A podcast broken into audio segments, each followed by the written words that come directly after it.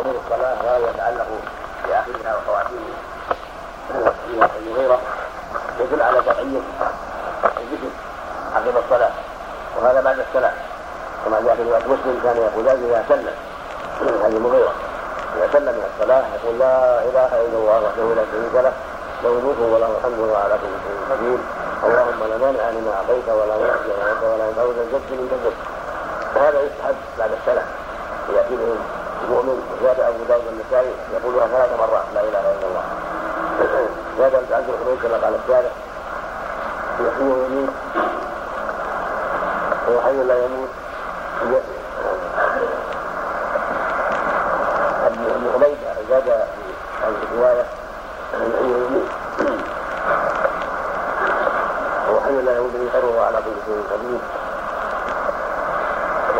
وروى الطبراني أيضا ذكر الشارع زياده والحاصل ان زيد بن حميد لا لا عبد حجاجه ولا رد لما قضيت ورواه غيره أيضا في هذه الزياده وزاد الطبراني كما قال الشارع في روايه على ان رواتها يوثقون زيادة في آخر يحيي ويميت وحي لا يموت الذي خير على كل شيء قدير هذا يستحب كله بعد الصلاة بعد السلام لا إله إلا الله وحده لا شريك له له الملك وله الحمد وهو على كل شيء قدير اللهم لا مانع لما اعطيت ولا معطي لما ولا يدعو بالجد لمن هكذا روى الشيخان وهذا مستحب سنه بعد السلام وان كررها ثلاثا لا اله الا الله كما في روايه السنن وان ذهب يميت الحي لا يميت بخير على كل شيء قدير فلا بأس.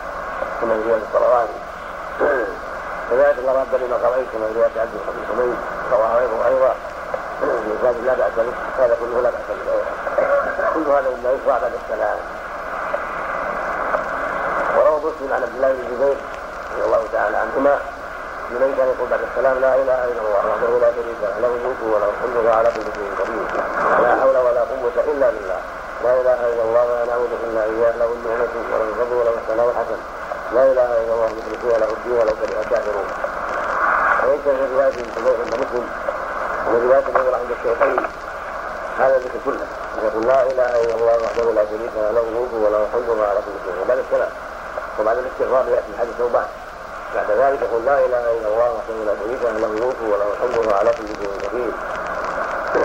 لا حول ولا قوة إلا بالله.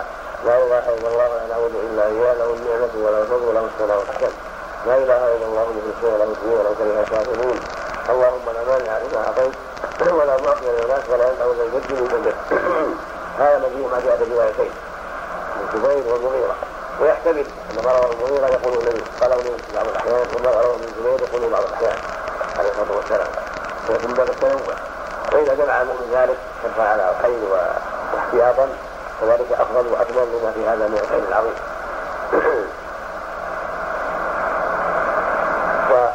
وفي حديث ثوبان إن مسلم يستغني ثلاثا فيقول اللهم أنت السلام ومنك السلام تبارك يا ذا الجلال والإكرام. هذا بعد الانصراف اذا فرغ من صلاته قال هذا واذا سلم من صلاته ويدل على أنه يبدأ به في روايه عائشه انه كان يقول هذا اللهم أنت السلام إلى اخره قبل أن يصل للناس قبل أن يقبل عليه بوجهه. رواه مسلم عن عائشه فيما يتعلق بقول اللهم أنت السلام. وهذا ثوبان استغفر الله ثلاث هذا من حديث ثوبان عن عائشة. يدلان على أن هذا الذكر أول شيء. بعد بعد السلام ثم الإمام ينصرف إلى الناس. ويعطيه وجهه ويقول عليه بوجهه ويأتي باثار التوحيد بعد ذلك. وهذا هو الجمع بين الروايات. يستوي ثلاثا وكان اماما أو منفردا أو ماموما يستوي ثلاثا. لو لما لو جاء أحد الرواه عن ذلك قال يقول استغفر الله أستغفر الله. ثم يقول اللهم أنت السلام ومنك السلام. تباركت يا ذا الجلال والإكرام. وروى والحسان وعائشة كلاهما عند مسلم لكن ثوبان طلب الاستغفار ثم بعد ذلك ينصرف. فدل ذلك على أن هذا يكون قبل قبل الذكر قبل الذكر المذكور في حديث الزبير وقبل الذكر في حديث المغيره ثم إذا انصرف إلى الناس يقول لا إله إلا الله وحده لا شريك له. له الملك وله الحمد وهو على كل شيء قدير. لا حول ولا قوة إلا بالله. لا إله إلا الله ولا نعبد إلا اياه له النعمة وله الفضل وله الثناء الحسن. لا إله إلا الله له الدين ولا كره الكافرون اللهم لا مانع لما أعطيت ولا معطي ولا ناصر ولا ينفع الا الجد من جدك. سبق أن ان بعض الرواة في هذا ولا راد لما قضيت. وروى وعاده الشافعي عبد الحميد المستدرك عن الرميد حتى وثقة له مسند أهل الكتب. وكذلك الطبراني رحمه الله زاد في آخر حي يميت وحي لا يموت يده فهو على كل شيء قدير. فيختار عند أمواتها موضوعون كثير من الناس قد ينصرف إلى الناس ويقول اللهم أنت السلام. هذا خلاف الأفضل ومن يقولها وهو مستقيم القبلة اللهم أنت السلام. ثم ينصرف إلى الناس بعد فراغ منها يقول لا إله إلا الله. أما المأموم والمنفرد فيستغفر ثلاثا ويقول اللهم أنت السلام. ثم يأتي بالذكر بعد ذلك. وفي حديث سعد بن أبي وقاص الدعاء في دبر الصلاة. والدبر بالضم وبالضم والسكون يطلق على آخر الشيء وعلى ما يليه. الدبر واخر وما يتصل به دبر الحيوان هذا هو الأصل. ويطلق الدبر على ما له صلة بالشيء بعده. والاظهر الأول. هذا هذا. المعنى هو الأول. والدبر الذي لا الشيء فعلى هذا يكون هذا الدعاء في آخر الصلاة. لا لا بعد السلام يكون قبل السلام. وكان لا يقدمه على حديث المغيرة الله يغلب ويقدم سعد على حديث المغيرة حتى يكون مع الدعوات الماضية. فيقول اللهم إني أعوذ من البخل وأعوذ من الجبن وأعوذ من الرب وأعوذ من العمر وأعوذ من في الدنيا وأعوذ من عذاب القبر. هذه الدعوات العظيمة كان النبي يصلي عليه في آخر الصلاة. والأولى أن يكون ذلك في صلب الصلاة في اخرها قبل أن يسلم لأن هذا هو الاكثر يقول النبي صلى الله عليه وسلم ثم يتخير والدعاء أدعو يدعو ثم صلى ما شاء. فهو في حال الصلاة حال إقباله على الخروج منها فيختمها بهذه الدعوات العظيمة كما ختمها بالتعوذ بالله من البخاري رحمه الله.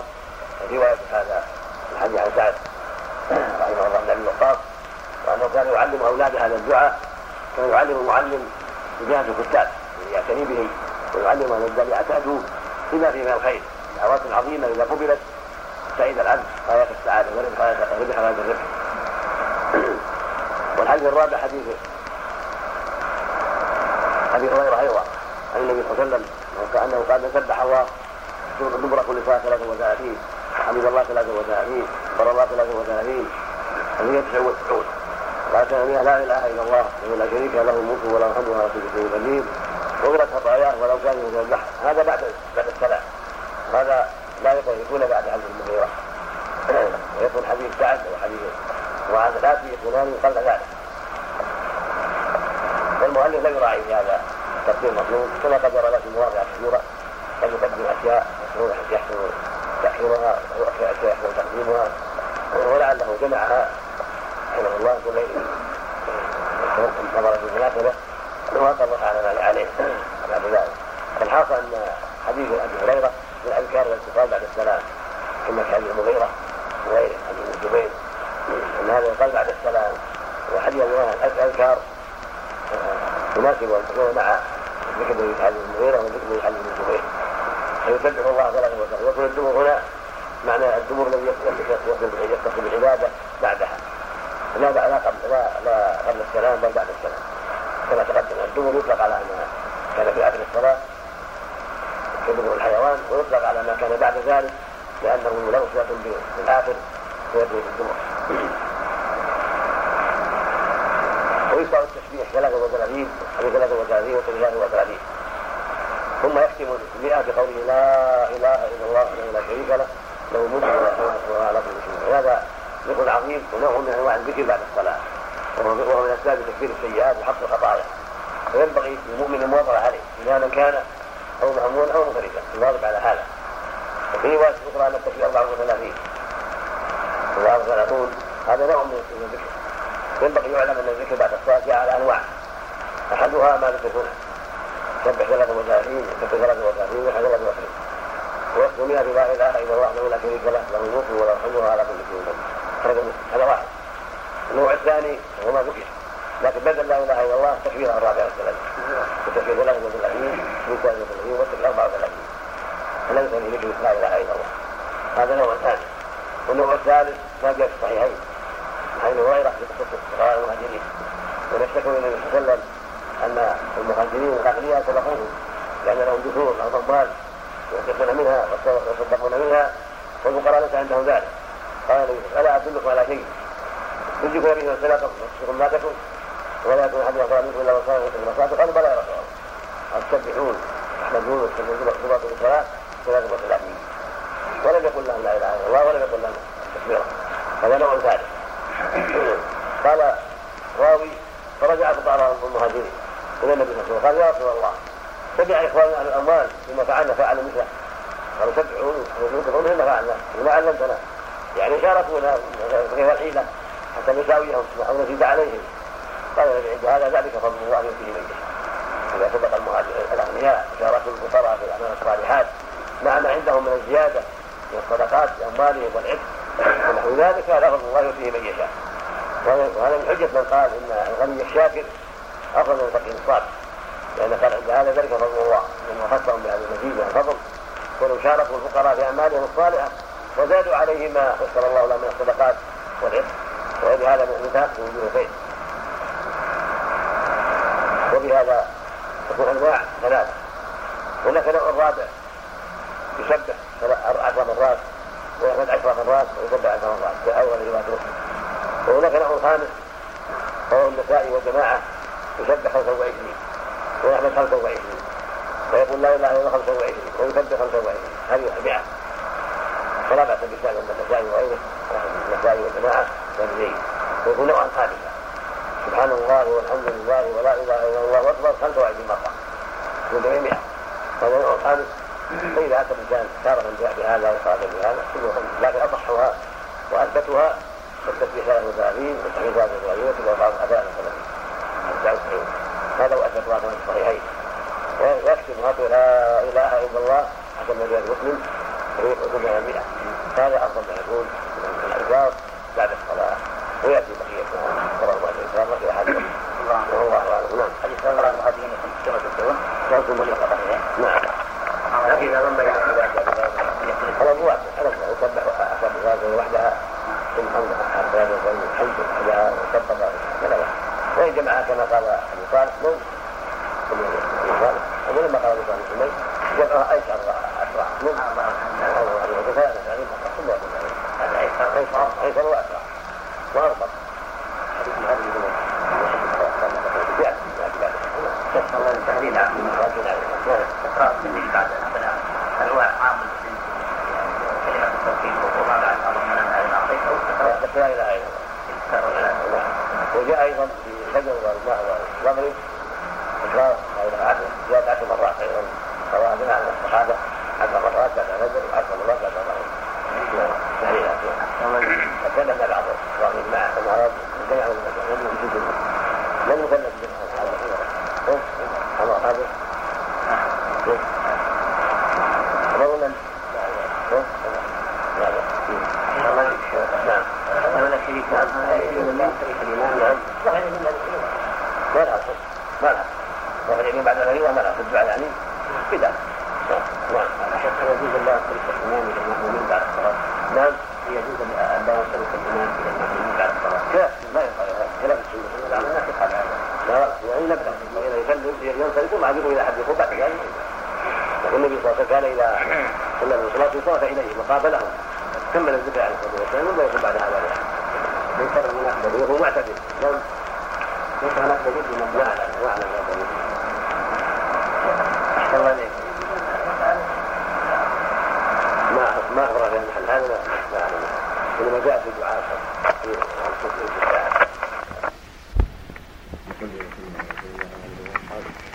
بعد هذه الاحاديث خمسه كلها تتعلق أيضا بصلاة النبي عليه الصلاة والسلام. قدمت احاديث كثيرة وهذا ابن معاذ والسابع والخمسون في احاديث صلاة النبي عليه الصلاة والسلام. يقول صلى الله عليه وسلم لمعاذ أوصيك يا معاذ. ومعاذ هو بن جبل وعبد الرحمن وخلف بن القاسم يقول أوصيك يا معاذ لا تدع أن دورك لكل صلاه أن تقول اللهم إني على مثل وكتبي وحسن معاذ معروف بالعلم والفضل.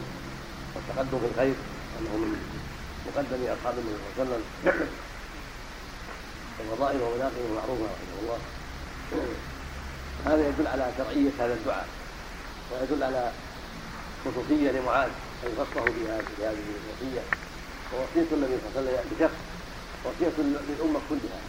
لأنه بعث لها كلها عليه الصلاة لها كلها عليه الصلاة والسلام. فإذا أوصى بشخص بشيء فهو وصية للأمة. ولكن يدل هذا على مزيه لهذا الشخص ويخصصه بهذا العلم حتى يحمله للناس وحتى يبلغه الناس. مثل ما قال في اول حديث ذكره المؤلف في ذكر الشيخ محمد في كتاب التوحيد. فيا معاذ أتينا حق الله على العباد إلى آخره. والمقصود أن هذا يدل على شرعية هذا الدعاء ولا يخص معاذ وإن خصه في وصية لكن ليس المراد انه خاص به بل هو للجميع. لكنه يتأكد في حق موسى مباشرة بخصوصيه هذه المباشره وهذه الوصيه خاصة يكون نوع تأكيد لحقه وانه هو الامه جميعا. وأولى بهذا أن يكون في آخرها قبل السلام في أمرين. أحدهما أن الدبر في الأصل هو آخر الشيء وطرفه ومؤخره فهو مؤخر الصلاة وآخرها هو التحيات التشهد الأخير. والأمر الثاني أن هذا الموضع موضع دعاء. النبي صلى الله عليه وسلم لما علمه التشهد قال له ثم يتخيل الدعاء كما في الخير ثم ليس مسألة نافعة هذا موضع دعاء لهذا كان الأنسب ان يؤتى به بعد صلاة النبي صلى الله عليه وسلم في اخر في آخر الصلاة. لأن هذا هو محل الدعاء ولأنه هو الدبر الحقيقي. لأن دبر الحيوان جزء منه ويجب أن يكون أراد بعد السلام لأن ما قرب من الشيء هو دبر له ما قرب منه وسلم منه هو دبر له لكن عرف من سنته صلى الله عليه وسلم أن ما بعد السلام محل الأذكار محل الأذكار. وما قبل السلام محل الدعاء. فيكون الافضل ياتي به بعد في آخر الصلاة قبل السلام. وإن نسيه ذلك هناك وأتى به بعد ذلك حسن لأن كل منهما يسمى دبرا وهذا الدعاء دعاء عظيم مختصر موجز. اللهم أعني على ذكرك وشكرك وحسن عبادك هذا دعاء عظيم مع ايجازه مع قلة ألفاظه.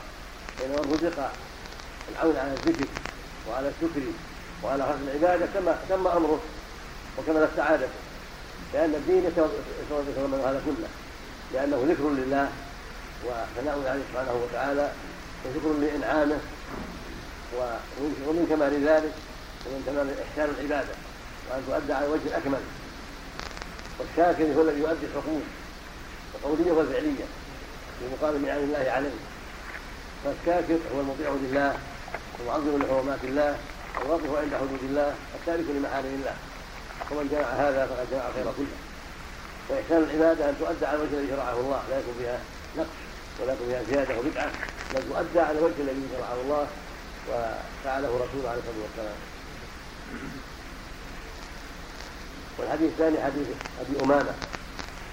يحسن إنه الباهلي يحسن إنه حارثي النبي صلى الله عليه وسلم قال من قرأ آية الكرسي كل صلاة لم ينام من دخول الجنة إلا الموت.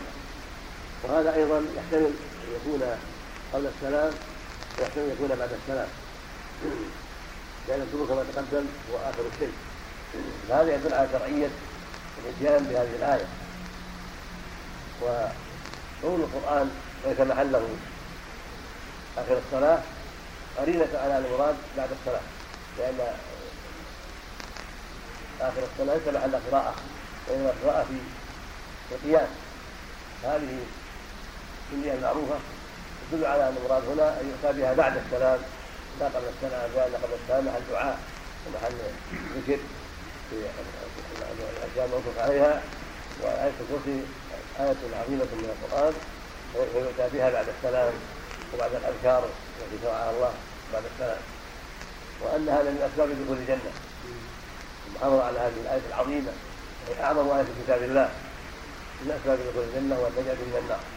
واختلف على العلم في هذه هذه الرواية هل هي صحيحة أو ضعيفة وضعفها قوم وأثبتها آخرون. ورواها النسائي هذه الرواية مثال جيد فالصواب أنها رواية لا بأس بها ولهذا قرها المؤلف هنا. ولكن تصحيح ابن لها منه بأن بأنه لا بأس بهذه الرواية وهو النسائي. كان الطبراني يقول هو الله أحد. جاء في رواية الله بن عامر قل الله عليه ربي هلك ولا ينبغي الله فيجتمع من هذا شرعيه الاذكار بعد السلام التي منها التسبيح والتعليم والتعليم بعد السلام مرة. وشرعيه آية الكرسي وشرعية قل الله يوم المعروفين سورة كل صلاة هذه من السنن التي أن يكون المؤمن بعد كل صلاة. ومعلوم ما فيها من الخير العظيم وفائدة كبرى للمؤمن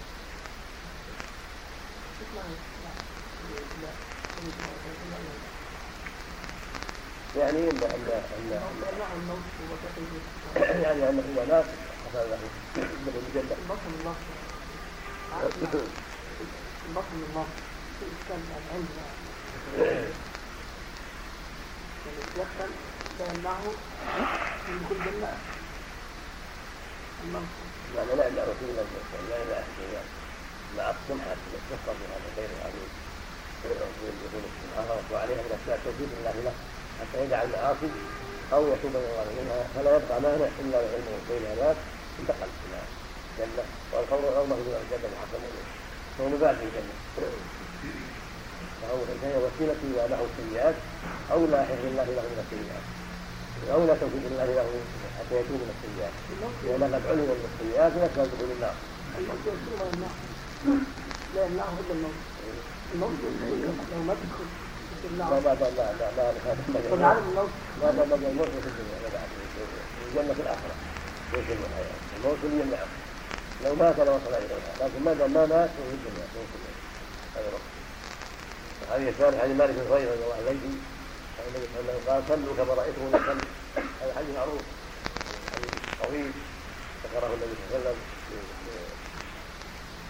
مالك لما وفد في جماعة من قومه فانكلم نحو العشرين فعلمهم النبي صلى الله عليه وسلم لما رأى شوقه إلى أهلهم قال لهم كذا وكذا ارجعوا إلى أهليكم وعلموهم وصلوا كذا في وقت كذا وصلوا كما رأيتموني أصلي هذا أصل أصل أصيل في وجوب تأثر النبي صلى الله عليه وسلم في ذلك وأن يصلي كما صلى عليه الصلاة والسلام في الأقوال والأفعال. والأصل في الأوامر الوجوب. فلا يستثنى من هذا الأصل إنما دل الدليل على أنه ليس بواجب بل مستحب. وإن الأصل في أفعاله فانك يداوم عنها ولا يدل بها الاصل فيه الوجوب فما أقل به بعض الأحيان دل على ان ليس بواجب. وما دلت الأدلة الخارجيه على ان ليس بواجب كذلك. فإن الأصل أن ما واظب عليه واستقر عليه فعله فإنه من الواجبات ومن الفرائض ومن أجزاء الصلاة التي امرنا بإقامتها ومحافظة عليها. الحديث الرابع حديث.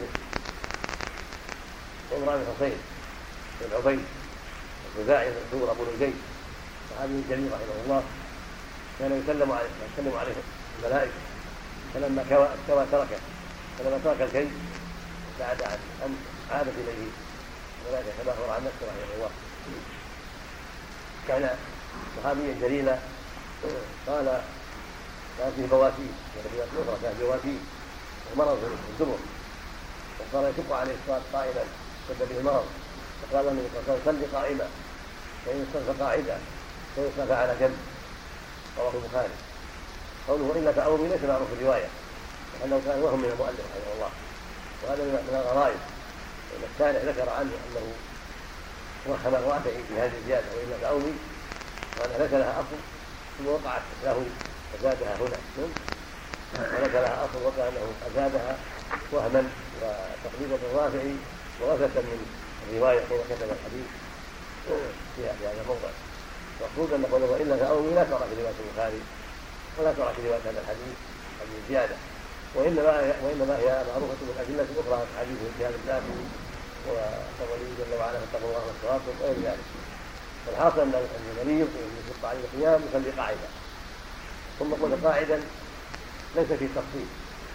جلس أتى قاعدا متربعا أو جلس مختبيا أو جلس كذلك في جلوسه للتشهد الأخير أو الأول متشتركا كان يقول قاعد يعم يعم أنواع الجلسات سواء كان متوركا أو مختلفا أو محتبيا أو قرقطا أو متربعا أي جلسه جلسها أجزأ ذلك. بإطلاق النبي صلى الله عليه وسلم قاعدا. لكن تقدم في حديث عائشة انه كان يصلي متربعا اذا صلى جالسا أو متربعا فيدل أنه الأفضل ربه. لأن أريح له يجلس هكذا تربع هكذا. يجلس هكذا واريح له في قراءته وقد يكون القراءه قد يحتاج إلى. هذا الجلوس أريح وغيره وافضل في محل القياس وإذا جلس جلسة أخرى غير هذا الجلوس فلا بأس. لعموم قوله قاعدة. ثم إن عجز عن القعود صلى مضطجعا. على أي جهة؟ الأيمن أو أو الأيسر. لكن جاء في رواية علي به الأيمن لكنه ضعيف روايه ضعيف. فعلى هذا يكون على جنب يعم هذا وهذا. لكن الأيمن أفضل. يجب التيمم على الايمن فالأيمن أفضل إذا تيسر إن شق على الأيمن فالأيسر. وزاد زاد النسائي فإن لم يستطع أو مستلقيا فدل ذلك على أن العاجز عن القيام له هذه الاحوال الثلاث القعود القدر فالعجز عن القعود صلى على جنبه فيلتقى عليه الجنب؟ الجنب صلى مستلقيا هذا من فضل الله سبحانه وتعالى. هذا يطابق قوله جل وعلا فاتقوا الله ما استطعتم.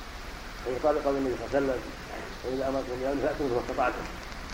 فالمريض هكذا. وليس له أن يؤخر الصلاة وليس له أن يدعها كما يفعل بعض المرضى. اذا بخليها حتى اطيب واخليها على وجه احسن يجمع عليه أيام كثيره هذا غلط. قد يموت ولا يطيب وليشق عليه بعد ذلك اذا كافرت عليه. الحاصل لا يجوز تأخيرها عن وقتها ابدا. يجب على المريض أن يصلي في الوقت.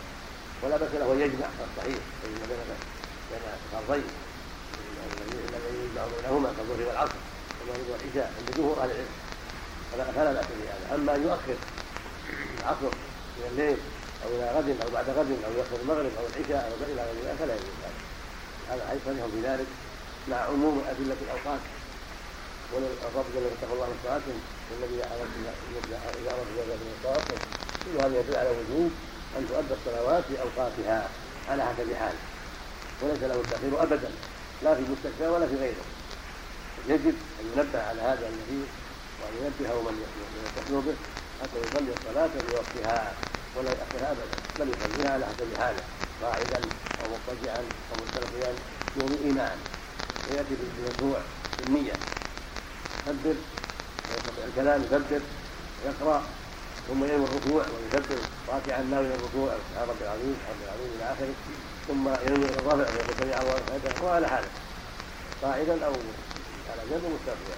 ثم ينوي السجود ويكبر ناوي السجود رب الاعلى رب الاعلى ثم يكبر ناوي الرفع وكبر السجدتين رب لي رب ثم يكبر ناوي السجود الثاني هكذا حتى يكبر الصلاه بالنية أفعاله بالنية وأقواله ينطق بها.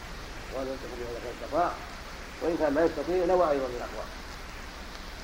عقل على حسب حاله إن استطاع تلفظ وإن لم يستطع نوى الصلاة والدخول فيها ثم نوى الركوع هكذا بأذكاره ثم نوى الرفع وهكذا بأذكاره ثم نوى السجود هكذا بأذكاره وهكذا.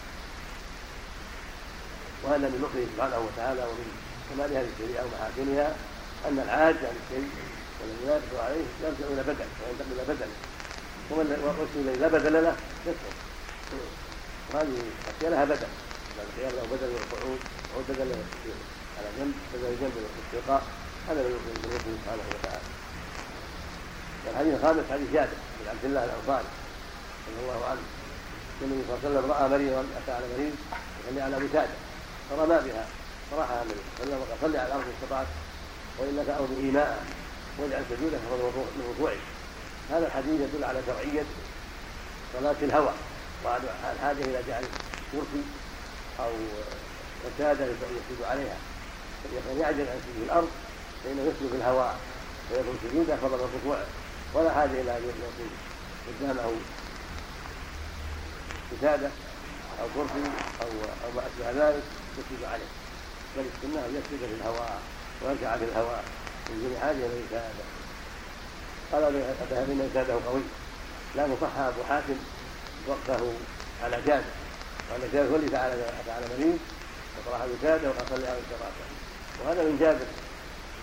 إذا قدمنا الموقوف من جابر تلطف. ودليل على أنه يرى هذا من الصلاة وهذا هو ركوع الصلاة. ويقرب أن يقال فيه انه إنه في حكم الرفع. لأنه لا يقوم بجهه رأيه. هذا هو الأقرب. فالمقبول يؤيد المرفوع. ويعضده ثم الأصل أن الزيادة معتبرة. الزيادة الراوي ان زاد الرفع مقدم لأنه الإنسان جيد ورواته ثقات فالرافع أتى بزيادة. والقاعدة عند الحديث أن الزائد يقبل زيادة الحديث تقبل إذا التقى مناسبا هو أوثق منه فان زياده الراوي في الحديث تقبل منه وتقدم على من نقص. لأن حفظ حفظ ما لم يحفظه الآخر. ولهذا قال الحافظ في وزيادة راويهما مقبولة من راوي حسن الصحيح زيادة راويهما مقبولة ما لم تقع مناسبه لمن هو اوثق دل ذلك على أن الزيادة تقدم وتقبل من تابع وابو حاتم هو الرازي المشهور لا ابو حاتم بن حبان المتأخر. محمد بن حبان المعروف الوفي على توفي سنة أربع وخمسين وثلاثمائة. كان من مواليد آخر القرن الثالث. أما ابو حاتم الرازي هو متقدم. ما ذكره ابن المشايخ ومن شيوخ أبي داوود النسائي وامام كبير رحمه الله حافظ ومحمد بن إدريس ومنذر الرازي مشهور أبو حاتم صاحب أبي زرعة الرازي. كانت وفاته سنه سبع وسبعين وياتي بعد أبي داود بسنتين. رحمه الله. خير الله نعم. أما البيهقي معروف تقدم على مرة. البيهقي متأخر رحمه الله. إمام حافظ جليل على الحافظ كثرة حفظه. وجمعه الروايات والأشياء الكبرى التي تدل على عدم العجاب في حفظه وجمعه هذه الأحاديث وله كتب أخرى غير السنة الكبرى رحمه الله وهو أبا أحمد بن الحسين البيهقي أبو بكر حافظ جليل المتوفى سنة 58 و400 سنة 58 و400 في القرن الخامس. وهو من أقران الحزم وبعض أولياء الحنبلي ومن كان في قبله عقله الحافظ بن عبد البر والحافظ أبي الخطيب وطبقة هؤلاء كلهم مع الروايات الخالصة نعم هل يملك فيما نعم هل من صلى قاعدة أو مستلقيا هل يملك أصبع هل يشد أصبع بعينه لا لا أعرف ما أعرف من النية أو أنه نعم نعم يعني لا لا أعلم نعم مما يختص بالرأي من اليد لا هذا ليس بالرأس إذا الوضوء أخذ نعم إذا كان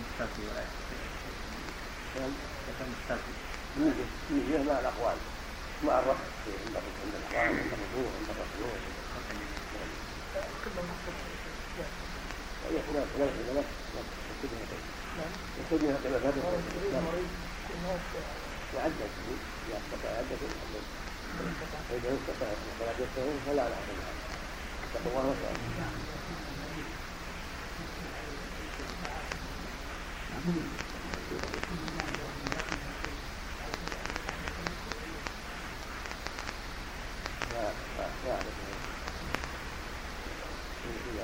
يعمل يقول على الله السهل أو إذا يعمل يقول على الله مع اليقين ويجعل السهل هل يتيمم على جدار الحاضر؟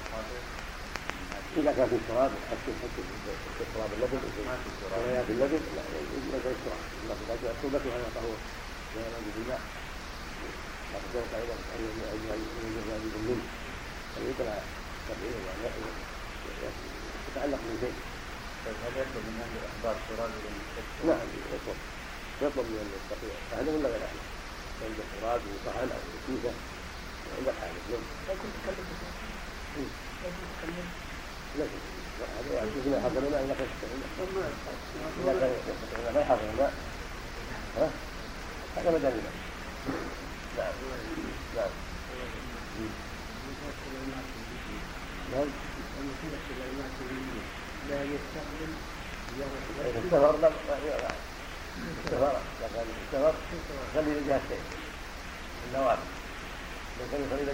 لكن إذا أحرم إلى قبلة كان أولى يعني جاء بعض الأحاديث أنه كان إلى قبلة ثم قراءة الفاتحة الصلاة لا لا أظن بك إذا ذكرت في هذا ضعيفا أظن أنك صحيح يقول النبي عليه السلام أو في غيره ذكرت في هذا لكن ليس بذلك ليس بأنه بذلك رواية النساء حديث الآية مثل هذه جيد رابعة جيد نعم نعم إذا كان ما يستطيع السجارة وإذا كان يستطيع يلزم السجارة ولكن السفر لا لا لا يحتاج ما يحتاج يومي يومي ولا يحتاج نعم نعم هو الرسول نعم نعم الأفضل إلى أحد أنس أو أحد أنس وهو داود الجماعة إذا كان يستقبل عند الإحرام ثم يستقبل هذا لا يمكن لكن الأحاديث الصحيحة كثيرة الصحيحين ما فيها أنه قبل عند الإحرام في أنه كان يصلي حيث كان وجه حديث عن الربيعة حديث أنس وغيره صحيحين ليس فيها لكن لما رواه أبو داود كان حسن استفاد من استفاد بين الروايات كما قال كما قال لا تحتاج إلى انتباه في قلبه كان لا يؤدي على كان لا يؤدي على شيء الأمر يؤدي على الصلاة يعني يحتاج يعني يحتاج إلى تجويد تطوع تطوع. أن الغريبة لا بد أن تكون بد الغريبة لا بد أن يكون في الصلاة يقول هذا في النادر أظنه لا ينبغي يصلي لأن قد ينبغي إلى ضرر بالناس قد يغفل والنافلة كما قبل السفر والحضر أم السفر فقط؟ لا السفر حالتين جلوسه بالحضر لا بد لا بد ان يصلي كان وجهه في السفر طريق ما حكم الدعاء مع رفع الايدي في المسجد؟ لا لا الحديث بدعه الذي صلاه العيد الا بالصلاه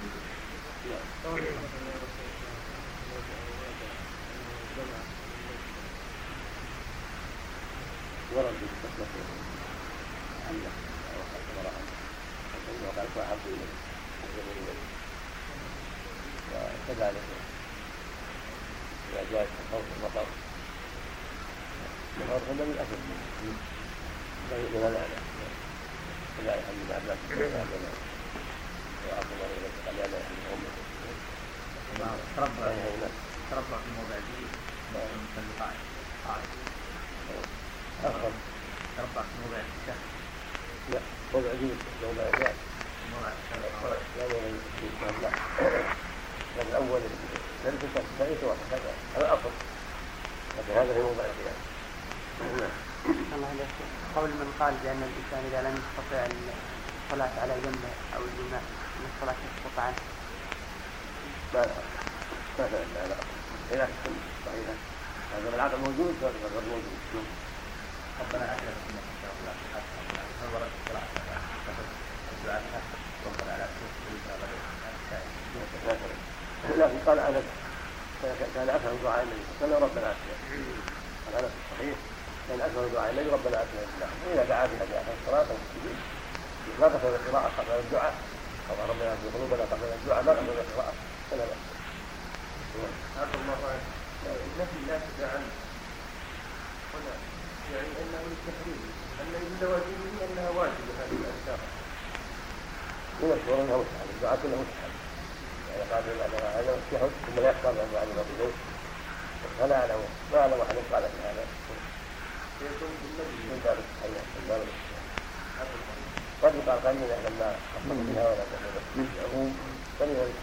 سجود غير سجود الصلاة. سجود الصلاة معروف. سجد في كل ركعة.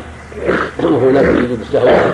إذا وجد وجد فإن الله شرع سجود السهو لجبر الصلاة. جاء في حديث أبي سعيد إن كان صلى خمسا شفاء له صلاته وإن كان صلى تماما كان كان ترغيما للشيطان.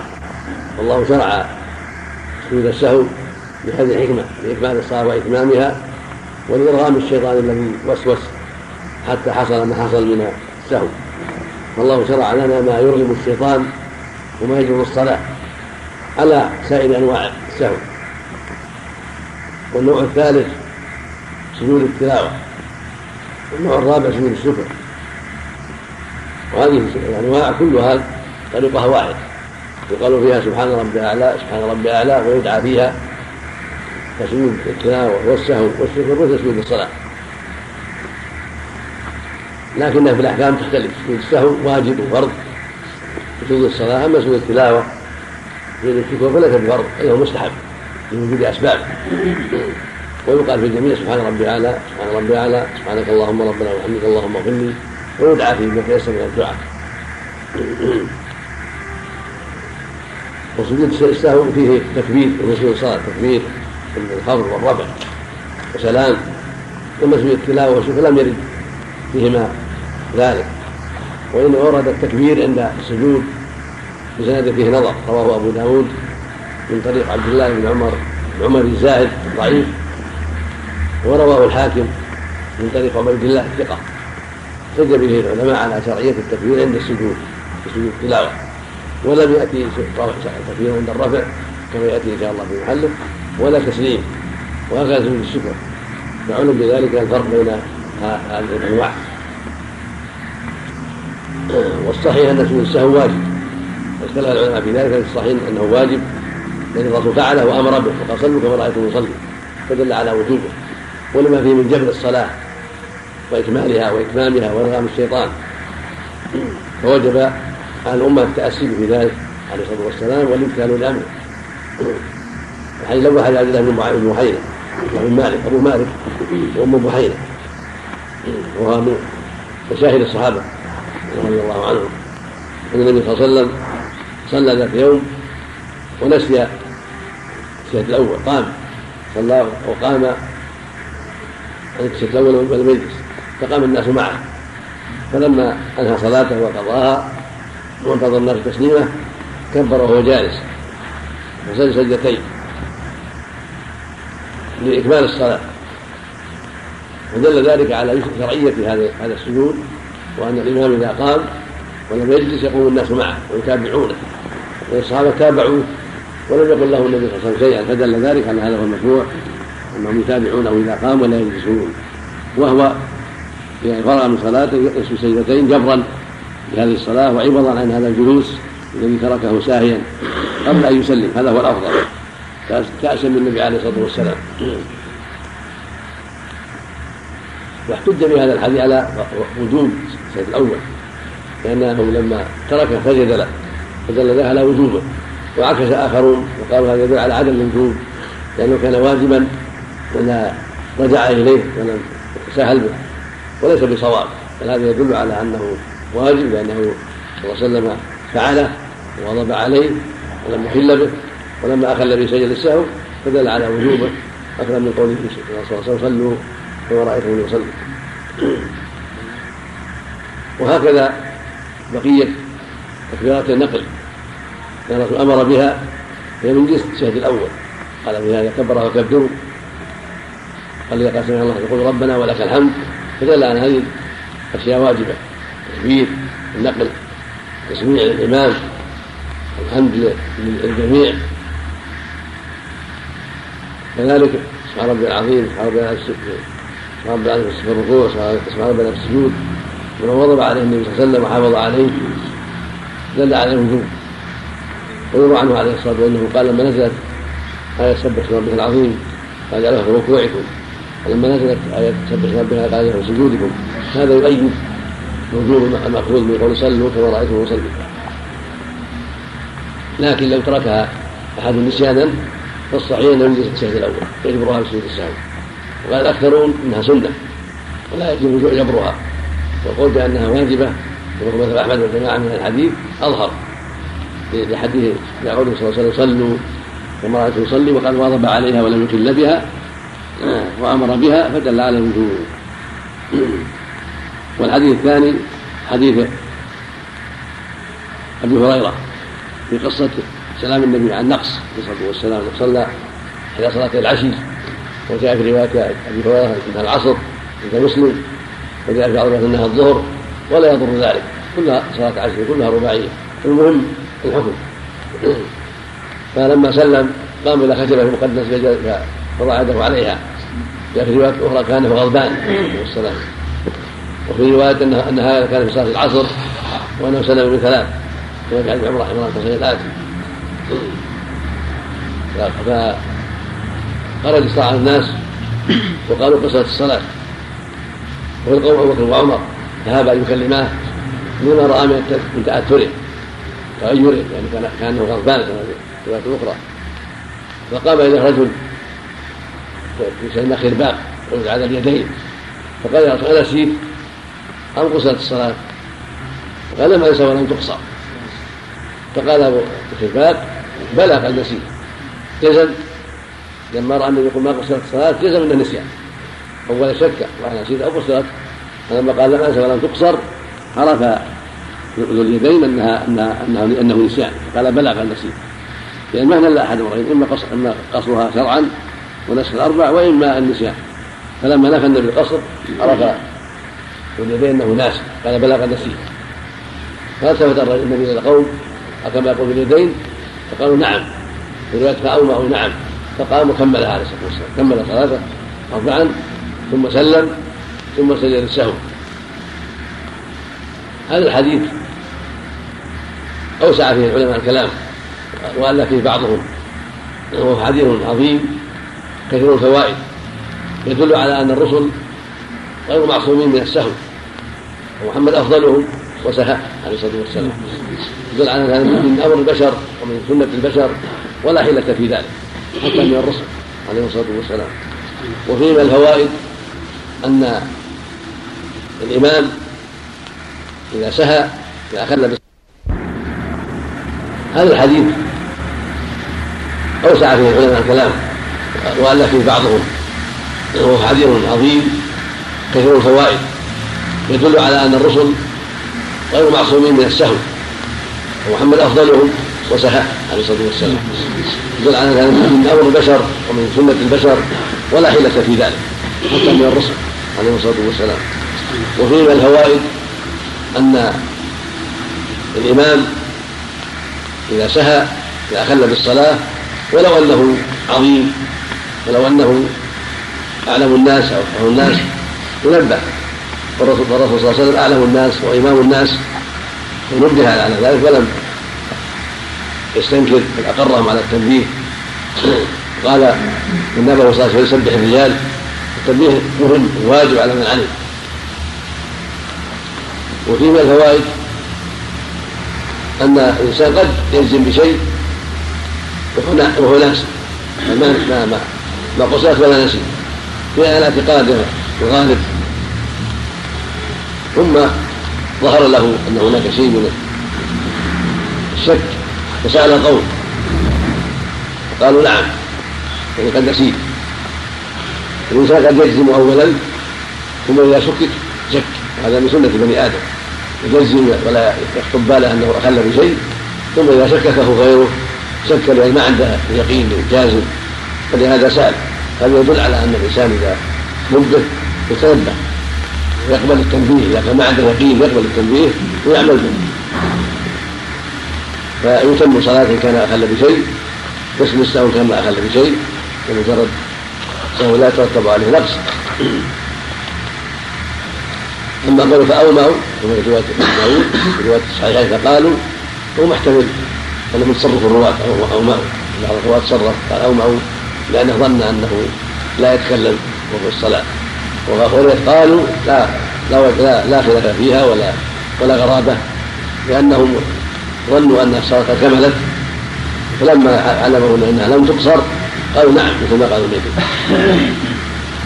وأن من تكلم بعد السلام من الصلاة للنظر في الصلاة والاستثبات فيها والتثبت في أمرها أن هذا لا يضر الصلاة لأنه في حكم الناس أو في حكم مستثبت ولهذا تكلم النبي تكلم باليدين تكلم الناس تكلم السرعان من الناس ولم تبطل صلاتهم. ودل ذلك على أن هذه الأمور لا تخل بالصلاة. تكلموا تكلموا بعد السلام. سلموا ظانين صواب الإمام ثم بحثوا فيما بينهم لا يضر ذلك. أما من تيقن أن الإمام ساهي فلا فلا يسلم ولا يسلم ولا يتكلم. بل يبقى كان مع مع الجلوس وإن كان مع مع القيام قام بنية الصلاة وكمل نفسه إذا تأخر الإمام. وإن قام الإمام قام معه. وهكذا في الجلوس. لو أراد الزيادة نبهوا ولم يرجع يجلسون. ولا يتابعون في الزيادة كما لا يتابعون في النقص. لكن الصحابة ليس عليهم الأمر خشوا أن يكون جرى شيء في الحكم وإيجاد الصلاة. فلهذا سلموا معه. لكن في وقتنا انتهى الأمر. ما بقي نسخ قد أحكم الله أحكامه. بعد موت النبي صلى الله عليه وسلم انتهى الأمر. ما بقي توخم للنسخ فلا يبقى إلا إلا السهو. فينبه الساهي والذي لم يسهو لا يتابع الساهي. إن كان في نقص يقوم ويتم صلاته إذا ما قام الإمام وإن كان في زيادة يجلس ولا يقوم مع الإمام. لأن الصلاة معروفة ومعلومة. فإذا كان الإمام سهى ولم يقم لتكميل صلاته قاموا وكملوا لسان مسلم. وإن كان في زيادة ولم يرجع جلسوا ولم يتابعون لكن من تابعه جاهلا أو ناسيا لا يضر ذلك. جاهلا بالحكم جاهلا بالزيادة أو جاهلا بالنقص أو ناس مثل الإمام لا يضره ذلك. وفي من الفوائد أن سجود السهو فيما إذا سلم عن نقص يكون بعد السلام. وهكذا في حديث عمران لما سلم عن ثلاث سجد بعد السلام هذا هو الأفضل. يكون سجوده في إذا سلم عن نقص يكون بعد السلام. أما إذا سلم اذا قام عن السجود الأول أو شك في الصلاة كما في حديث سعيد هذا يكون سجوده قبل السلام هذا هو الأفضل. وذكر جمع من أهل العلم أن الامر فيه واسع السجود قبل السلام وبعد السلام أمر واسع وجاءت أحاديث ذلك تدل على ذلك. ومن سجد قبل السلام وبعد اجزاء لكن الأفضل أن يكون ما ما كان عن نقص سلم عن نقص يكون بعد السلام على سبيل النبي صلى الله عليه وسلم. أو أو أو أو, أو فيما إذا بنى على على غير ظنه يكون بعد السلام كما يأتي حديث مسعود إن شاء الله. أما إذا كان أما في غير الصورتين فيكون قبل السلام. في غير الصورتين يكون قبل السلام. وحديث عمران بن حسين مثل حديث اليدين لكن سلم عن ثلاث. وقام ودخل بعض حجر النساء فتبعه باليدين. قال نسيت ان قصر الصلاة. ثم نبه فتنبه ورجع وكمل صلاته وسجد بعد السلام عليه الصلاة والسلام. فهي حادثتان احداهما فيها أن سلم من اثنتين والثانيه فيها أن سلم عن ثلاث وفيهما جميعا انه سجد بعد السلام. أما قوله في السهاد في حديث عمران يوهم له بعد السجود في السهو ولكن ليس بجيد فالأقرب مثل في حديث أبي هريرة سهد قبل السلام ثم سلم ثم سجد لكن رواية عمران فيها بعض النقص. تفسرها رواية أبي هريرة وتوضحها وأنه سجد بعدما سلم. وأن التشهد كان في التحيات قبل أن يسلم السنة الأولى. وأما بعد سجود السهو فليس هو فيصلي يسجد السهو ويسلم كما في حديث أبي هريرة وليس هناك تشهد اخر هذا هو الصواب. بسم الله. الرحمن الرحيم رحمه الله تعالى الله عن زياده ويذكر عاد السجود اللي قد تفرقوا عن المسجد. فكذا الأمر.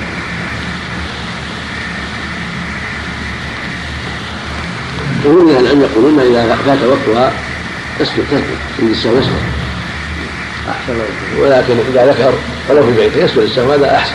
ولو في البيت ولو في تفرق عن النفس نعم. ان تفرق عن النفس فهل علي تفرقوا فهل علي اسجل ركعه ولا يجب الصلاة كامله؟ لا سجود السهو لا انك ركعة يعني. نعم. تفرقوا. حمل ولا بعد؟ يتفرقوا؟ إذا طال الفصل ينبغي أن تعاد من أولها. استانف أحسن. قال أهل العلم أنه إذا طال الفصل استانف لكن إذا كان الفصل قريب مثل قيام النبي بقول بعض الحين والنساء مثل البيت قريب إذا اكتفى بالركعة يكفي. أحسن. هؤلاء المتفرقون يا شيخ. نعم. هل يبعث إليهم ولا نعم. الذين تفرقوا في الوقت الآخر. يبلغوا طيب شيخ فيما لو شك المأموم في عدد الركعات مع الإمام؟ هل يتابع؟ الإمام؟ ما ما على شك عمل. يتابع ويكفي. يكفي. طيب معنى قول تحمل الإمام عن المأموم هل في الإثم أو في الجبر أو في لا هي سقوط عنه لأنها الواجب. يعني ما نعلم عمل بعد واذا اذا سهل المأموم ما على سوف عمل. هذا يتعلق بالإمام. ما دام المأموم دخل معه من أول الصلاة وهو شاء مشبوك يتحمل عن الإمام. سجود الإمام كامل إذا كان سهل الإمام المأموم ما عليه شيء. نعم. المعروف يكبر في كل خطوه ورفع في الصلاه فاذا كان مثلا يريد ان يسجد الابتلاء سجود الابتلاء فلا يكبر مراعاه للصلاه من صلاة الكتاب ليس هناك ما يدعى عنها صلاة لا إذا كان هو في صلاة. صلاة. ولكن الصلاة لا قدر عند السجود النعم لأنه من من من الصلاة من التلاوة في الصلاة فالأفضل يكبر عند والرأس لأن هذا داخل في العموم. بينما كان خارج الصلاة. نعم. أما بعد هذا حديث ابن سعيد الأنصاري وهو سعد بن مالك بن سنان يكون من بني حجرة من الأنصار. ومالك أبوه صحابي جليل أيضا. وهو صحابي من صحابه. عن النبي عليه الصلاة والسلام أنه قال من شك في صلاته فلا خير فصلى ثلاثة أم أربعة ولو ثلاثة أم أربعة فيطرح الشك وإن هذا استيقن ثم يسجد سجدتين قبل أن يسلم. وإن كان صلى خمسا شفع له صلاته وإن كان صلى تماما كانت ترغيبا للشيطان فهو مسلم. هذا يدل على أن الواجب على من شك في صلاته أن يتحرى الصواب ويتحرى اليقين. ولا من الصلاة في شك بل يطرح الشك ويبني على اليقين وهو الأقل ثم يسمي على ذلك. فإذا شك ثلاثة أو أربعا جعلها ثلاثا وأتى بالرابعة حتى يصلي على يقين. أو شك فيها ثلاث عن ثنتان جعلها ثنتين أو شكها صلى واحدة أو ثنتين جعلها واحدة. ثم كمل صلاته على هذا وهو على الأقل وهو اليقين.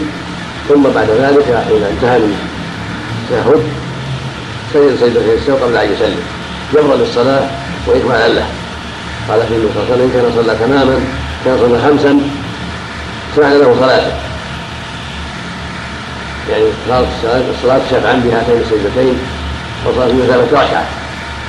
لأنه مطلوب الظهر والعصر والعشاء شفع. وإن كان صلى تماما ولم يحصل ولم يحصل زيادة كان ترغيما للشيطان إرغاما له لأنه أراد إفساد صلاة العبد أو تنقيصها عليه فكان في السجدتين إرغام له.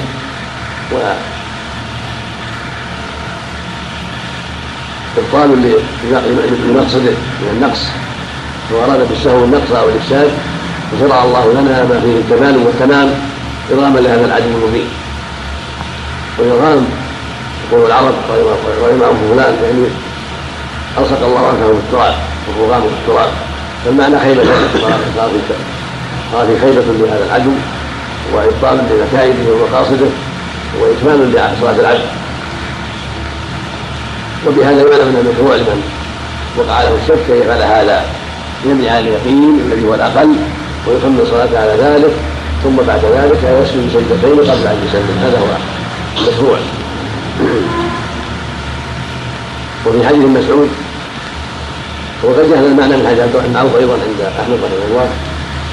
وجاء هذا المعنى عده أخبار تدل على ما دل على حديث أبي سعيد من البناء على اليقين والأخذ بالحزم وقوة حتى لا تكون الصلاة فيها شيء من الشك والريب. وجاء في حديث مسعود رضي الله عنه النبي صلى الله عليه وسلم صلى خمسا فلما سلم توسوس الناس من بينهم فسألهم ما شأنكم قالوا يا أصحاب حدث الصلاة شيء قال وما ذاك؟ قال صليت كذا وكذا. فثنى النبي عليه الصلاة والسلام واستقبل قبله وسجد السهو ثم قال عن الناس قال أما إنه لحدث الصلاه لم تكن بلغيه فيها شيء زياده والنقصان لا تخبر الأمة عليه الصلاة والسلام لأنه لأن الله أمر بالبلاغ والبيان. ولكنما أنا ولكنما أنا بشر مثلكم أنسى كما تنسون. فاذا نسيت فذكروني اللهم صل على وسلم بين أنه لو حدث شيء من التغيير والزياده والنقصان أخبرهم به وبين لهم ذلك.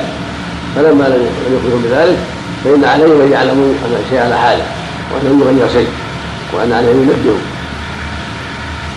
ولهذا أكد لهم ذلك بقوله ولكن أنا بشر منهم أنسى كما تنسون.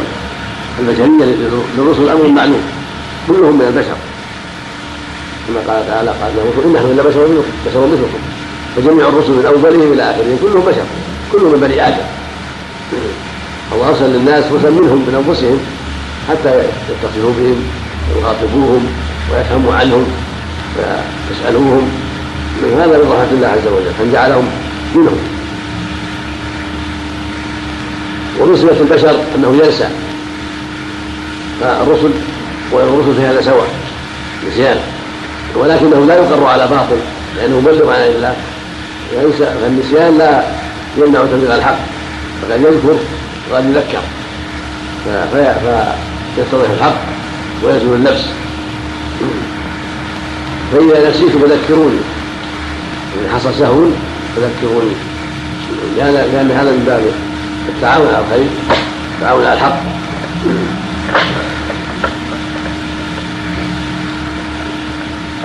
وفي رواية في البخاري أول فإذا نسي أحدكم فليتحرى الصواب أن يتم عليه ثم السجدتين ولا يبين أن قال قبل السلام أو بعد السلام في الأطلق الصحيحين. ويتحرى الصواب فسر بالبناء على اليقين كما حديث سعيد وفسر بالاخذ بغالب الظن. وأن يتحرى الصواب ينظر ما هو الأرجح وما الأقرب في فهمه وفي ضبطه فيبني عليه. ثم السجدتين سجدتين. متفق عليه. وجدت البخاري ثم يسلم ثم يسلم هذا يدل على ان السجود بعد السلام. وهذا يوافق رواية اليدين روايه ابي هريره يقصر اليدين سجد بعد السلام. وعلى هذا يكون السجود بعد السلام محفوظا في حالين. إحداهما إذا سلم عن نقص. ركعتين فأكثر كما قصة اليدين في حديث أبي هريرة وعمران بن حصين أبي هريرة أن سلم من دين كان عمران أنه سلم من ثلاث. ومن حديثهم جميعا أنه سجد بعد سجد بعد السلام.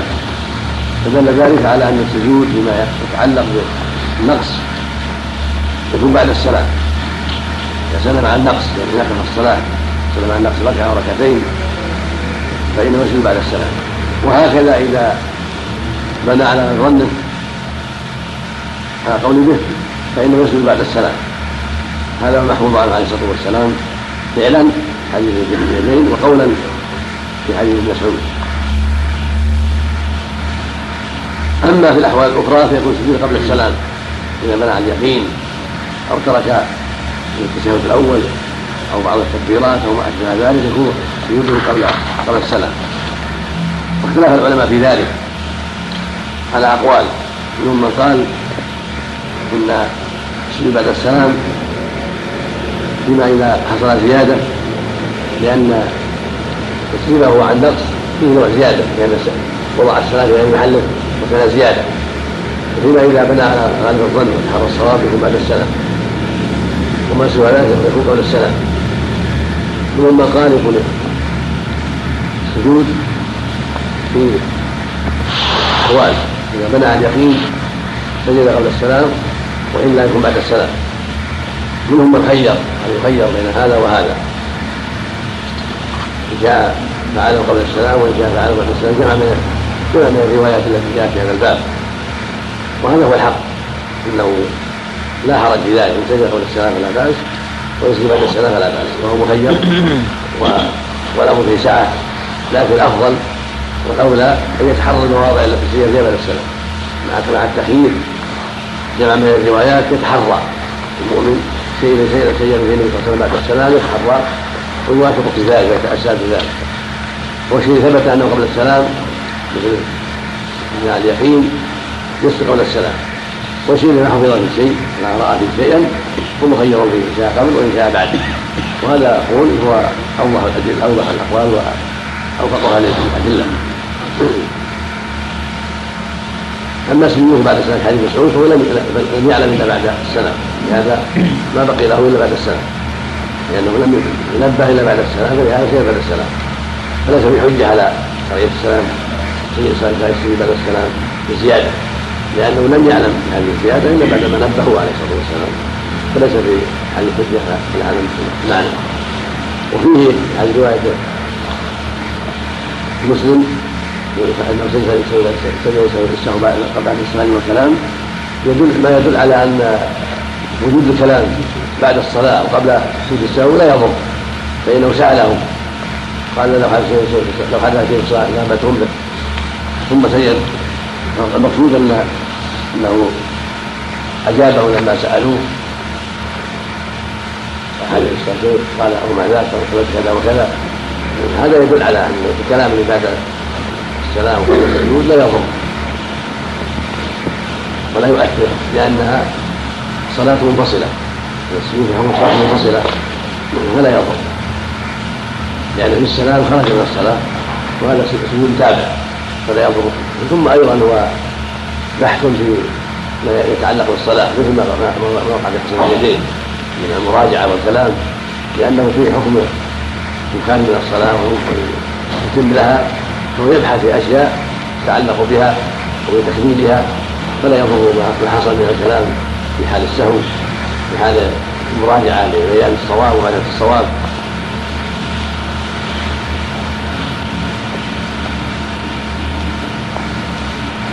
ثم أمر آخر. وهو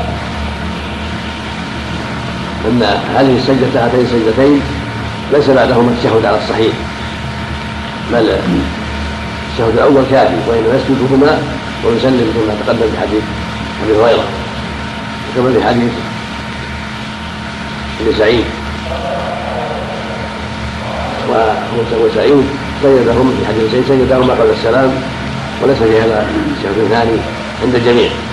كان سجودهما قبل السلام فليس فيهما الشهد سجده كافي وإنما خلاف إذا كان سجودهما بعد السلام. يعيد التشهد أم لا؟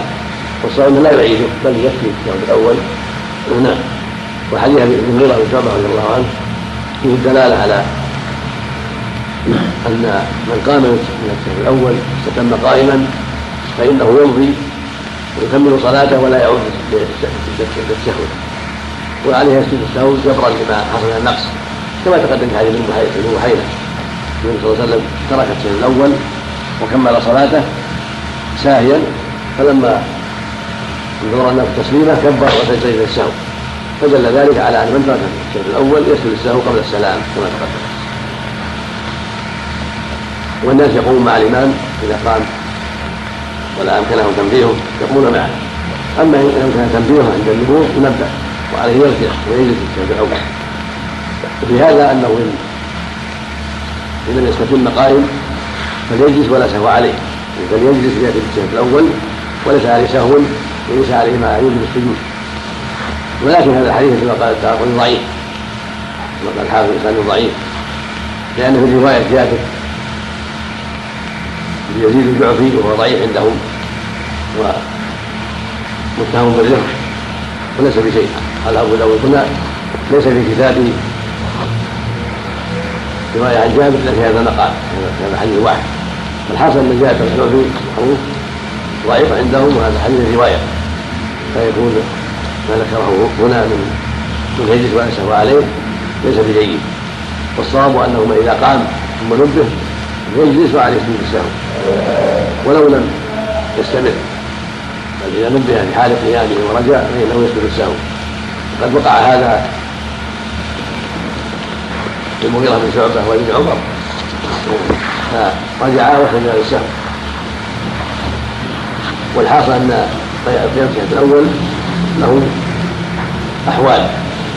تارة ينبه وينتبه حال النقود فيلزمه الرجوع والجلوس وإجابة السهو الأول ثم يسجد السهو في آخر الصلاة. والحال الثاني يستتم قائما فالأولى به ألا يرجع. في هذا الحديث ولما جاء في معناه بل يكمل صلاته ويسجد السهو. والحال الثالث أن يشرع في القراءة لأن الحال يتأكد أن يرجع. ذكر بعضهم يحرم عليه الرجوع يستمر ويكمل صلاته ثم يسجد السهو بعد ذلك قبل أن يسلم. كما تقدم في حديث ابن بحيرة وما جاء عن المغيرة بن عمر في رواية الوقوف عليهم تبين ضعف هذا الحديث وأن الرواية التي ذكرها هنا مرفوعة ضعيفة والمعنى فيها ضعيف فإنما الصواب أنه يسجد السهو لكن يختلف الحكم فيما يتعلق بالرجوع وعدم الرجوع وأما السهو فهو لازم في الأحوال ويكبر كلها نعم. الله وسلم من قالوا بعض أهل العلم قالوا أن قصة اليدين ليس فيها حجة على جواز الكلام الإمام لأنه هو شاك في هل قصرت الصلاة أو لم تقصر وليس هذا في مصلحة الصلاة. هذا هو الصواب. اليدين الصلاة بعد كمل. من يعني يصل سيد السهو هنا المسؤول قصر كمل الصلاة. نعم. إنما بقي سيد السهو من جبهه. نعم.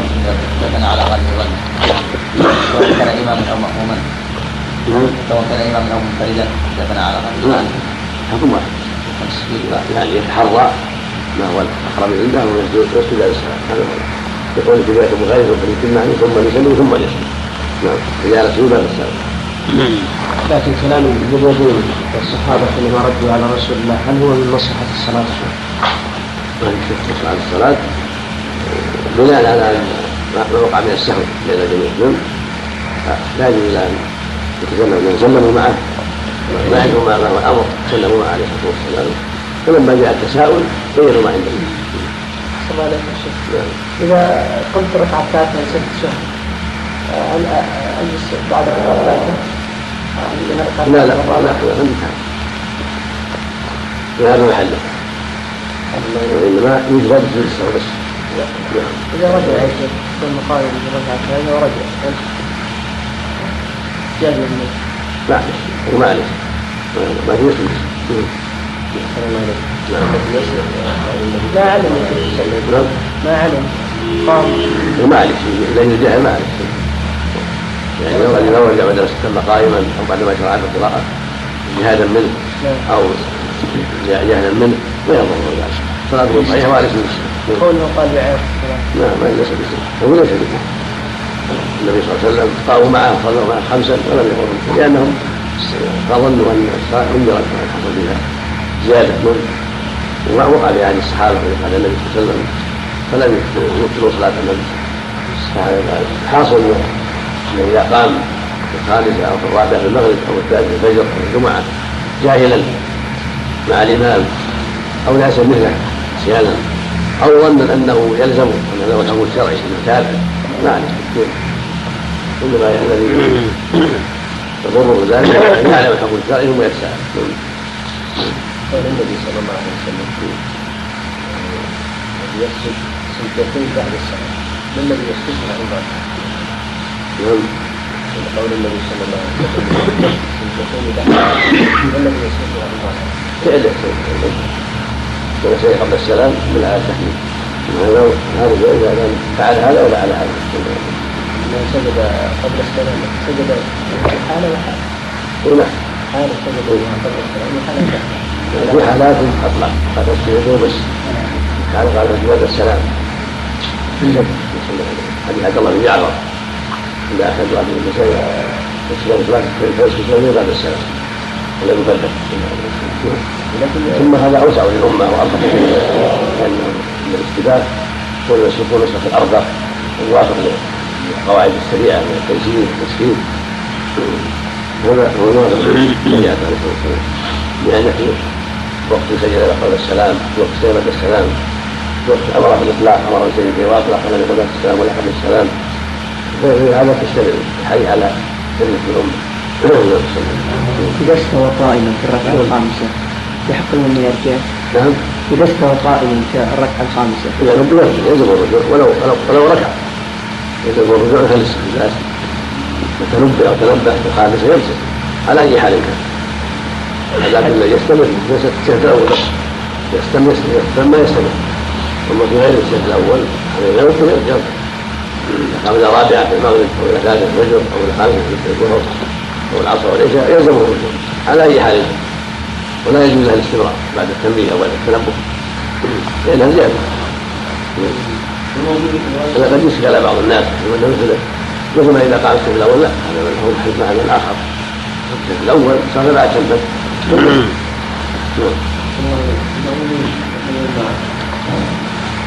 اللي عنده علم لا يقوم يلزم الجلوس واللي ما عنده علم يتابع امامه أما اللي عنده علم لا يقوم يجلس إذا سلم الامام سلم معه وينبه يجلس وينبه إذا صلى على وقال الفصل نعم. نعم. إذا صلى النفس وقال الفصل هل يتم أو يبدأ من اذا قال الفصل عرفا يبدأ من جديد. يعني الأصل وجود تتابع الصلاة واتصال بعضها ببعض هذا الأصل. ترك هذا فيما إذا وقع السهو في صرف اليدين إذا كان زمان يجي فوقع على النبي صلى الله عليه وسلم وهو يخالفه هذا يجوز أما إذا طال الفصل من ذلك يبين فالعلماء قالوا انه يمكن ممنوع بناء على الأصل وهو الأصل وجوب اتصال بعضها ببعض وتكبيرها متوالية. هذا هو الأصل. ترك هذا فيما وقع من صلب اليدين وما يشابهها اخذا بالسنه في ذلك وتنفيذا لما فعله النبي صلى الله عليه وسلم. فإذا طال الفصل أكثر من ذلك وجب الرجوع إلى الاصل الذي هو استكمال الصلاة وتتابعها وتواليها. لكن الشيخ أحسن الله إليك السرعان الذين خرجوا في الصلاة التي كان فيها مسجد اليدين هل أمروا بالإعادة؟ هو الظاهر ما لك الروايه هو الظاهر غير معروف.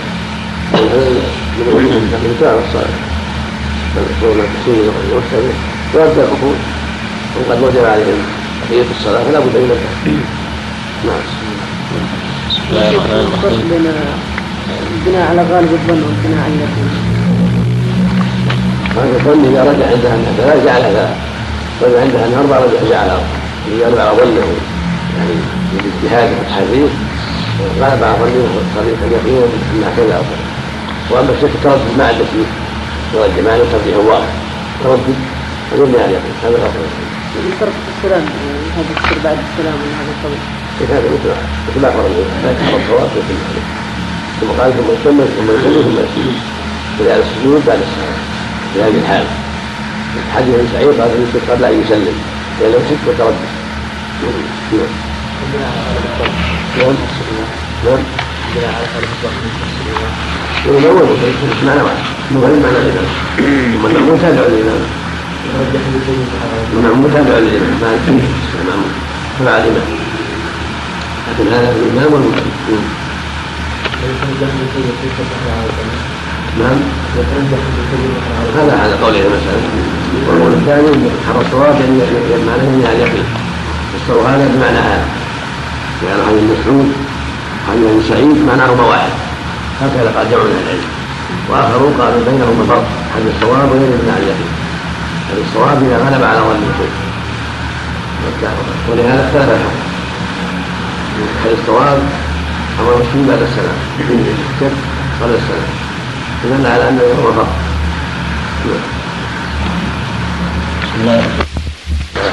لكنه في معنى عن النقل. لأن لها عندهم تساؤل ويجلس السنن لأنها لا يقال لها صحة بالمعنى الصحيح. لكن الصحة بالمعنى أن يسمى أهلها يسمى أهلها لكن ليس معناها أنها لا عن النقل هي خارجة عن النقل نعم لكن سميت صحاحا على الصراط والسفر على حسب يقول خمس دقائق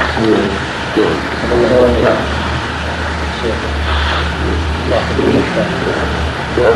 صاحب التحفة يقول انه كل مجموع من الاحاديث لها ترتقي إلى درجة الحسن والصحيح يقول ضعيف ضعيف هذا عنده أو يختلف عند الحديث لكن الصواب أنه إذا كان الطريقات أكثر فتعطي قائل قول المقبول عند أهل العلم على انه يكون من ضعيف إلا إذا كان وضع شديد كذاب أو كاذب لأنه لأن الحسن قسمان قسم لذاته قسم لغيره والذي لغيره وقد لا يكون متهم بكذب ولا شاذ أما إذا كان في متهم أو شاذ ما يقال الحسن لا لغيره ولا لذاته.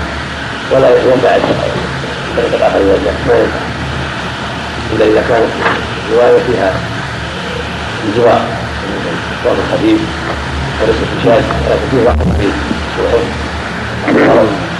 هذا يسمى حسن بغيره إذا كان من طريق عباد يدل على الخفيف وهو لا معنى المعلم المعلم يعني معلم له آخر المعلم قد يبين أنه حسن قد يبين أنه ضعيف قد يبين أنه موضوع. نعم. أقول المعلم له أحكام أخرى إذا تبعها عالم الحديث يجمعها خليفة يتضح بعض الناس يتضح انه منقطع يتضح انه مرسل يتضح انه باطل موضوع بعد التتبع لا لا المعلم ولا شاذ نعم. ولا في مكان الكلمة ولا انقطاع. نعم. لا لا لا كان يختص به خواص كلمة الحديث. نعم.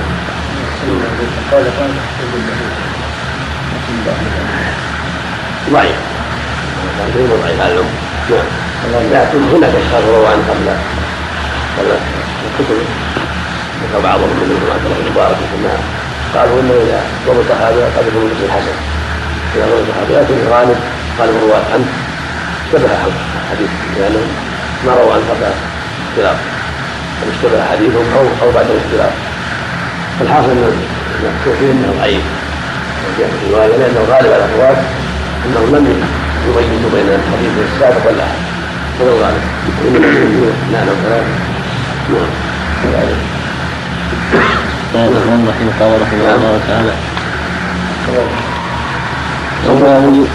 كذلك عندك؟ لا هذا لا نعم. نعم. المواويل هذه الأحاديث السته كلها تتعلق بصفه الصلاة أيضا وبما يتعلق بالترجمة في سجود السهو قدم ما يتعلق. بسجود السهو في عدة أحاديث. وبقي من ذلك حديث ذكره أيضا حديث عمر حديث ثوبان كلاهما يتعلق بالسهو في حديث عمر الدلالة على أنه ليس على من على من قال على من قال سهوا وإنما السهو على الإمام. إنه على من خلفه. فإذا سهى الإمام تعدى الحكم إلى من وراءه ولزمهم السجود بسجوده. أما إذا سهى المأموم فإنه تابع فلا سهو عليه وهذا معروف من عمل النبي صلى الله عليه وسلم. وسيرته في صلواته عليه الصلاة والسلام. وإن كان الحديث ضعيفا لكنه معلوم النبي صلى الله عليه وسلم كان يعلمهم احكام السهو ولم يأمر المأمومين أن يسجدوا إذا سهى الواحد منهم وإنما السهو على الإمام. ولهذا لما سهى في قصر اليدين وفي قصص أخرى سهى عليه سجد عليه الصلاة والسلام ولم يقل لهم إن على واحد واحد منكم عليكم إذا سهوتم ولبستم أن تفعلوا. فدل ذلك على أن الحكم مناط بالامام في هذه المسائل. فإن سهى تعدى الحكم إلى غيره وإن لم يسهو فلا يتعلق الحكم بسهو المامون به مع هذا مع مع حديث ضعف لكن يشهد له عمل النبي عليه الصلاة والسلام فإنه دام على المامونين ليس عليه سهو وإنما السهو على الإمام. لكن ذكر الأئمة رحمة الله عليهم أنه إذا كان المأمون مسبوقا فإنه يسجد لسهوه. اذا سهى مع الإمام أو في من فرد به فإنه يسجد لسهوه ليجبر صلاته لأن صلاة المامون الذي دخل مع الإمام في أول الصلاة منجبرة بتمام صلاة إمامه وجبر صلاة إمامه. أما هذا الذي انفرد بركعة أو ركعات سبق فيها فإن نقصه ينجبر بسجوده هو إذا سهى فيسجد المأموم المسبوق لسلامه مع إمامه ولسهوه معه وفيما فرد به. فإن صلاته صار حكم الانفراد الركعة والركعات التي فاتته. فإذا فرغ من ما عليه سجد للسهو في آخر صلاته أما إذا كان مع الإمام فهي حكم بالإمام وليس حكم الانفراد فلا يتعلق به سهو ولو كان مع الإمام. قام ثم نبه فجلس أو جلس يحسب أنه محل جلوس ثم قام أو ما أشبه ذلك فإن هذا لا يضره. ولا يحق به سجود سهو بل هو تابع الإمام وهكذا حديث ثوبان كل سهو سجدتان. ضعيف والواقع يدل على ضعف. فإن الرسول صلى الله عليه وسلم سهى سهوا كثيرا في قصر اليدين ولم يفعل سجدتين فقط. فإنه قام واتكى على الخشبة بعد ما سلم في محل السلام. ثم في بعض دخل حجر حجر بعض نسائه ثم رجع وكمل صلاته ولم يسجد سجدتين. عليه الصلاة والسلام. فدل ذلك على أن السهو المتعدد في الصلاة الواحدة ليس له إلا سجدتان فقط ولو تعدى. لو ترك الشهد الأول وترك بعض التكبيرات أو بنى على اليقين في عدد الركعات أو ما أشبه ذلك فليس عليه إلا سجد واحد سجدتان فقط. كلها تجبر ما حصل من النقص بسبب السهو ولو تعدى. حديث ثوبان وإن ضعف إسناده فمعناه صحيح. موافق الأحاديث الصحيحة الأخرى الدالة على أن جميع أنواع السهو يجبرها سجدتان أما حديث أبي هريرة والثالث يتعلق بالشق الثاني من الترجمة سجود التلاوة وغيره هذا سجود السهو وغيره سجود التلاوة والشكر فهذا يتعلق بالشق الثاني في التلاوة. فالرسول صلى الله عليه وسلم يسجد التلاوة. يعني يسجد في الصلاة وفي خارج الصلاة كما قال ابن عمر رضي الله تعالى عنه كان يقرأ على القرآن فيمر السجده فيسجد ويسجد معه متفق عليه. هذا أمر معلوم كذلك لما قرأ النجم نقي قبل أن يفاجر سجد وسجد الناس معه وفعل الصلاة. هذا يدل على أن السجود تلاوه في الصلاة ويكون في خارج الصلاة. وهو سنة وليس بواجب. ويدل عليه ما جاء في حديث زيد بن ثابت. فإن قرأ عليه النجم فلم يسجد فيها. فدل ذلك على أن السجود ليس بواجب. كذلك. ما ورد في في قراءته صار السجود فيها رحمه الله. وعلى السجود في المرة الأخرى إلا أنه الناس قد تهيأوا للسجود فسيد عليه الصلاة والسلام. كذلك حديث ابن عمر. الآتي يدل على عدم وجوب السجود وإنما هو سنة متأكدة لفعل النبي صلى الله عليه وسلم. يقول أبو سجد مع النبي السماء والشقت واقرا باسم ربك هذا يدل على أن فيهما سجده سورة إقرأ سورة الانشقاق.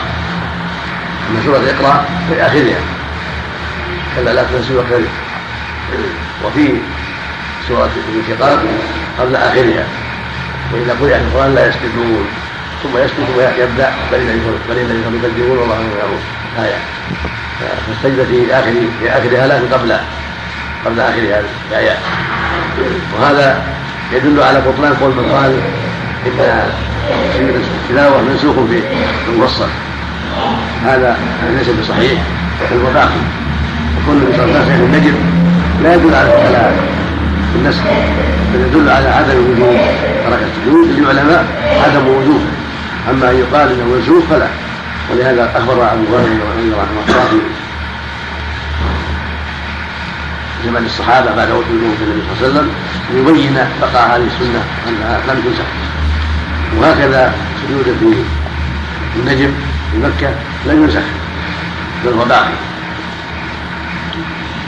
وهذا هو الصواب الذي عليه الجمهور أن السجود في الموصل باقي في حديث غير هذا فانه حديث صحيح دال على انه سجد في السماء وشقت وقال ربك والاصل بقاء ما كان على ما كان وعدم النسخ إلا بدليل. حديث ابن عباس يدل على شرع السجدة صلاة وليس من عزائم السجود وليس من مؤكدات السجود. فهذا يدل على انها سنة وأنها باقية وليست منسوخة وليست غير مشروعة بل مشروعة ولكن ليس من العزائم ليس من جنس السجدات الأخرى التي في سورة الأعراف في الدين في السماء انشقت بكره ربك وغيرها والحاصل أنه متى ثبت انه صلى الله عليه وسلم سجد فيها كفى. ولهذا قد رأيت يسجد فيها فدل على ثبوتها وأنها من السنن. وقد ذهب بعض الناس إلى انها تفعل في خارج الصلاة لا في داخل الصلاة لأنها سجدة شكر قال بعضهم لو سجد فيها في الصلاة بطل صلاته لأنها ليس مسجد التلاوة وهذا ليس بشيء.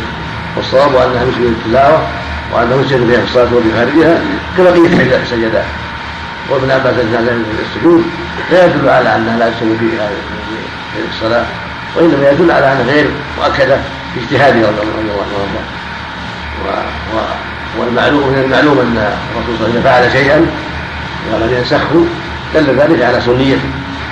وهذه كذلك فعلها ولم تنسخ ولم عنه صلى الله عليه وسلم ما يدل على عدم تأكيدها فبقيت شرعيتها على حالها في الصلاة وفي خارجها كبقية السجدات السجدات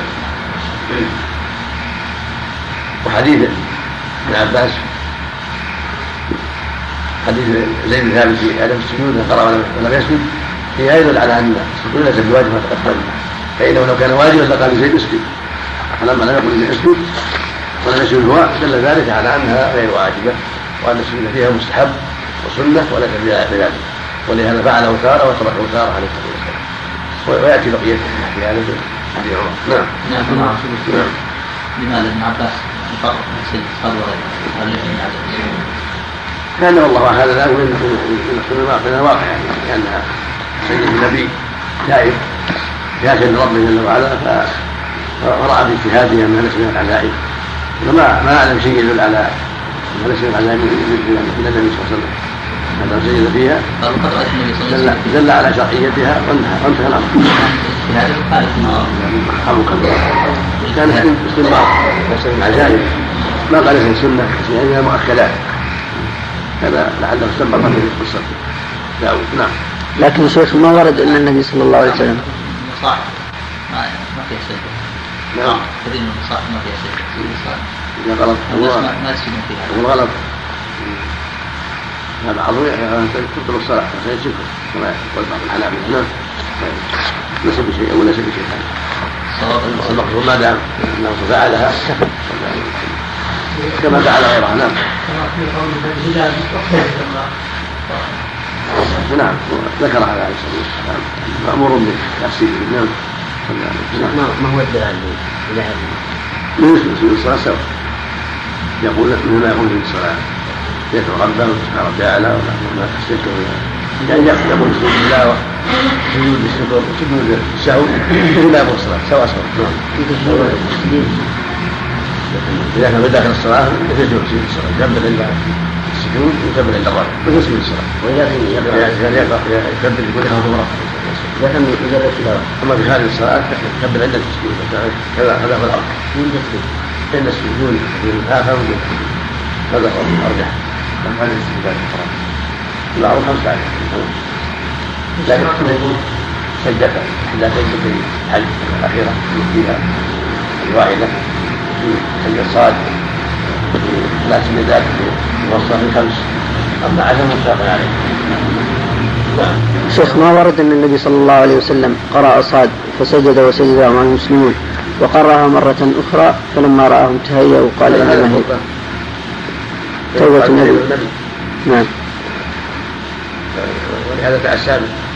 لأن وقات الهدى مقتدر ولعل ابن عباس أخذ أخذ أبو بن عزائم من هذا لكن وهو ظاهر لأنه سجد في النجم وترك من اسمه النجم نعم أيضا نعم. نعم. لو صح. لكن محمول على لو صح هذا المراد ليس هو يقع في الصلاة يعني.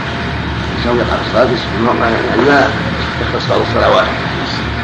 في جميع الصلوات في السجدتان على الظهر والعصر والمغرب والعشاء على كل اما كون اذا به الركعه الاولى يكون تحتاج سجدتان اذا سهى تحتاج سجدتان تسوى ذلك نعم. سجود التلاوة ما يلزم فيها الله من نعم. سجود التلاوة ما يلزم فيها الله من السجود بتعمل لا لا هذا مشروع في الجميع. مشروع بسجود التلاوة يكفي فيها ما في الصلاة سبحان ربي العظيم نعم لكن إذا أتى بالدعاء اللهم ما خشيت يكون أكمل مثل ما يقول الصلاة سجود الصلاة يقول اللهم ما خشيت ويدعو نعم يعني الحكم فيها مثل سجود الصلاة أن الواصل مقدم على القاطع والرافع مقدم على من وقف إذا كان ثقة. فإقامته صلى الله عليه وسلم عشرين يوما في تبوك ينظر فيما يتعلق بحرب الروم هل يتقدم إليهم أو يرجع وهل يقدمون عليه لينظر أخبارهم. ثم عزم الله له على أنه يرجع لأن حربهم ذاك الوقت لم يظهر أنه مناسب لأسباب ذلك فرجع عليه الصلاة والسلام تبوك ولم يباشر حربه. ثم جهز جيش أسامة في آخر حياته عليه الصلاة والسلام الحرب ما أوصى بذلك. احتج العلماء بهذه القصة وقصة الفتح على أنه لا بأس بالقصر لمدة إقامة العارضة ولو طالت حتى قال ابن منذر فيما حكى عن أهل العلم ولو مكن سنين ما دام لم يجمع إقامة فإنه في شهر.